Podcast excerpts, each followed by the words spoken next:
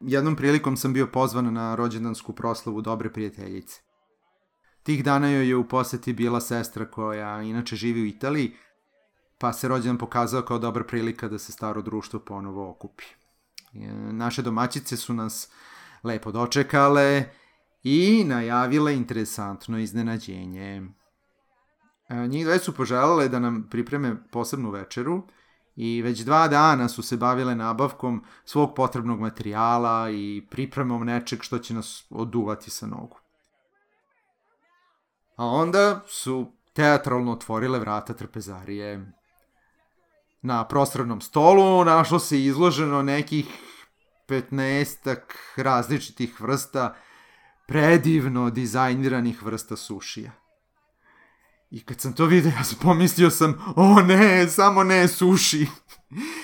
Pošto ja nisam probirljiv kada je hrana u pitanju, ali suši je jedno od jela koje mi nikako ne prija.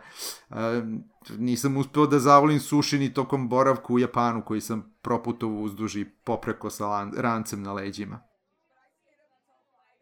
I šta uraditi u takvoj situaciji? I ja sam se potrudio da ipak uživam u večeri, mada nisam mogao mnogo da jedem jer nešto nisam bio gladan. A, I naravno pohvalio sam trud i kreativnost naših domaćica koje su se zaista prilično potrudile.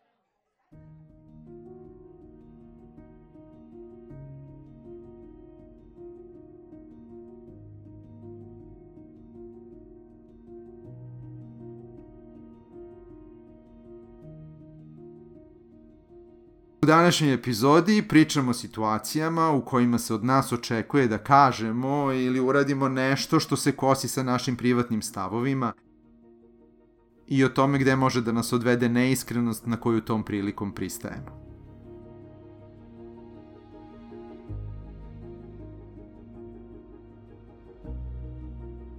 Moje ime je Peđa, ja sam autor web sajta jastojk.com posvećenog stoicizmu, pravcu u filozofiji koji stiče sve veću popularnost među profesionalcima, sportistima i svima koji se trude da pronađu smisao u inače haotičnoj realnosti u kojoj živimo.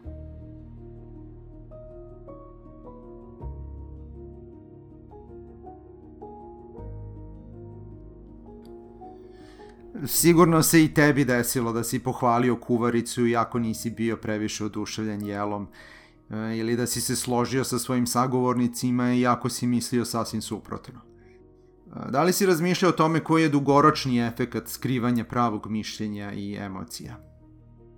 Moje prijateljice su možda stekle pogrešnu predstavu da svi u društvu volimo njihov homemade suši pa će možda odlučiti da nam ga ponovo posluže na nekom od narednih ukupljanja. Hajde da podignemo stvari na viši nivo.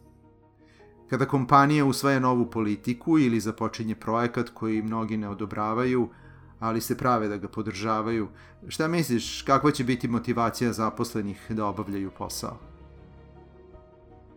A šta se dešava kada politička partija ili vlada zagovaraju politiku kojom su mnogi nezadovoljni, ali se ustručavaju da ispolje svoje mišljenje?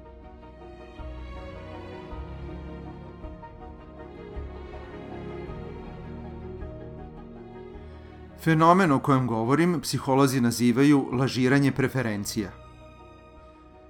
Lažiranje preferencija je pogrešno predstavljanje želja i ličnih stavova zbog uočenog društvenog pritiska. Ovo radimo kako bismo manipulisali utiskom drugih o našem raspoloženju ili motivacijama.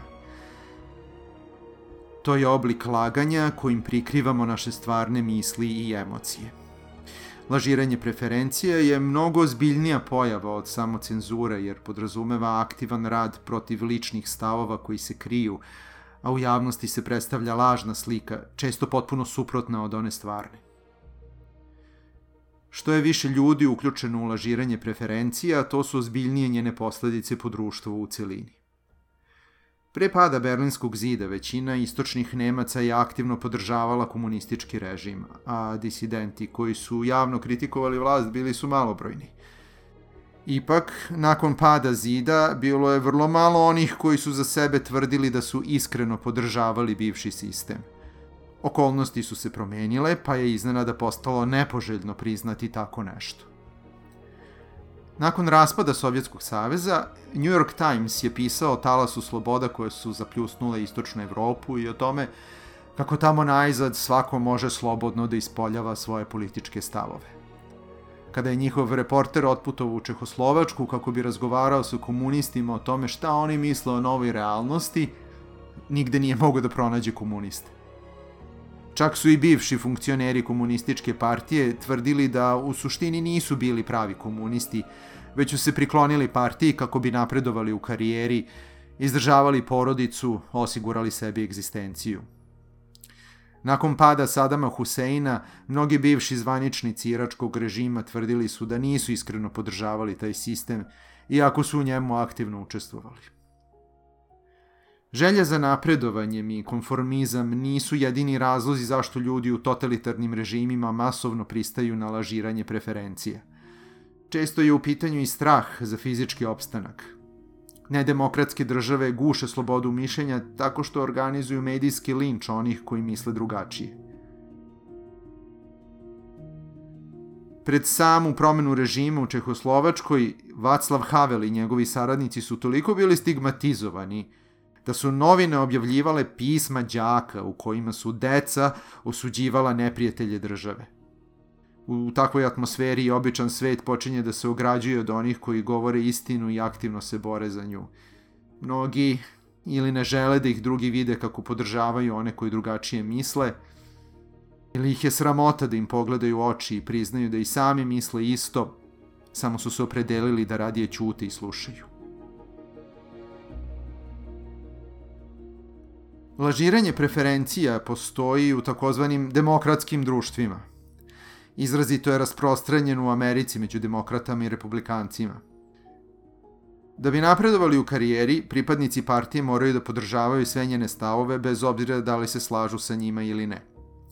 Najveći profiter ovog fenomena bio je bivši predsednik Donald Trump – Trump je uspeo da iskoristi nezadovoljstvo masa koje se nisu slagale sa zvaničnom politikom demokrata i tako ubrza svoj uspon ka vlasti.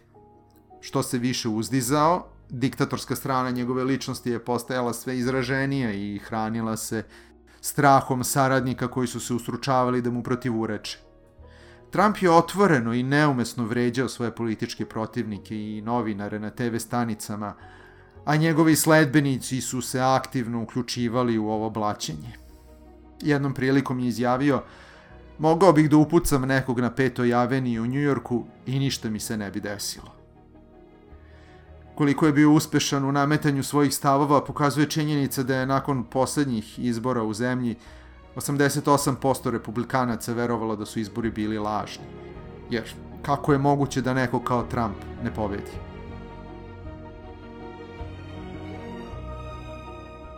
Mnogo je lakše prepustiti se i slepo podržavati sistem u kojem se živi. Kratkoročno to može biti vrlo praktično i manje stresno rešenje. Dugoročno ovo može da izazove patnju velikog broja ljudi. Marko Aurelije je bio rimski car koji je imao toliku moć da nije bilo potrebe da preispituje svoje postupke. A ipak je u svom dnevniku zapisao sebi podsjetnik. Tragaj za istinom – prepuštanje neznanju i zavaravanju vodi u propast. Odstupanje od prave prirode stvara tenziju. Osoba koja živi laž postaje sklona destrukciji koja može biti usmerena ka unutra, ka sebi samom ili ka spolja, ka drugima. Društvo reaguje na sličan način. Skriveno nezadovoljstvo postaje eksplozivno. Kada se dovoljan broj pojedinaca pobuni i zapali fitilj, dolazi do revolucije – U periodu pre pada Berlinskog zida, tri četvrtine Nemaca je verovalo da je sistem stabilan i da nema šanse da dođe do pada komunizma. Isti slučaj je bio sa islamskom revolucijom u Iranu. Ipak, lažiranje preferencija nije nužno negativna stvar. Ne možemo uvek otvoreno ispoljavati svoja mišljenja i emocije. Naše supruge nemaju uvek najlepše haljine, a deca naših prijatelja ne sviraju uvek predivno klavir. U nekim situacijama je ipak bolje ostati civilizovan, biti pristojan i ispoljiti uzajamno poštovanje. Možda je moguće neke stvari izbeći reći, ili ako baš ne postoji druga opcija, samo malo lažirati svoje preferencije. Svako ko je dobronameran uspeće da nađe način da sa puno poštovanja iznese svoje mišljenje kako ne bi uvredio onog drugog. Isti pristup treba imati u javnom diskursu. Ako se masovno pribegava lažiranju preferencije, u javnosti neće postojati konstruktivan razgovor, jer se neke ideje neće nikada čuti, a one loše neće imati ko da kritikuje. Tako opstaje nepravedan status quo. Marko Aureli je napisao Nepravdu čini i onaj ko na nju ne reaguje, ne samo onaj ko nepravdu uzrokuje. Šta nam je dakle činiti? Ne tražim od tebe da digneš revoluciju, već samo da postaneš iskreniji prema sebi i pokušaš da svoju realnost uskladiš sa svojim moralnim vrednostima, jer to je jedini način da živiš u miru sa samim sobom. Ako se ne slažeš sa politikom TV kanala koji gledaš, nemoj da ga gledaš, čak i ako ima neke sadržaje koji su ti zabavni. Ako vidiš da novine koje kupuješ štampaju lažne i neprimerene vesti, nemoj da ih kupuješ. Ako si upleten u razgovor o stvarima koje ti ne prijaju, sa kojima se ne slažeš, ili pokušaj da svojim sagovornicima ukažeš na ispravan stav, ili zadrži svoje pravo da se ne slažeš sa stavom većine. Zašto podržavaš ideje sa kojima se ne slažeš? Zašto podržavaš ljude koje ne poštuješ? Da li neko ko toliko radi protiv sebe ima opravdanja da se žali na svoj život?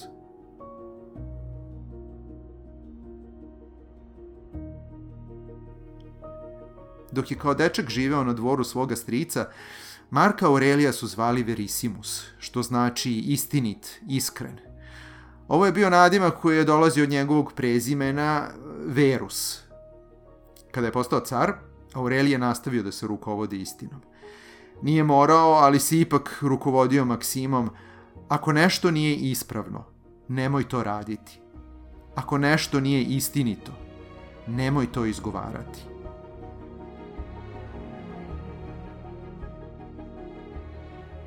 Da zaključim. Dugoročnim lažiranjem preferencija stvaramo lažnu sliku o sebi i svojim potrebama što dovodi do toga da naš život preuzima formu koja je drugačija od one koja nama prija. Sve češće nam se dešavaju stvari koje izazivaju stres i patnju.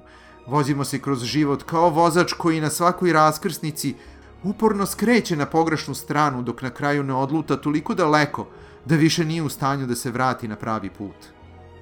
Ne dozvoli da postane suviše kasno kada shvatiš da si živeo laž.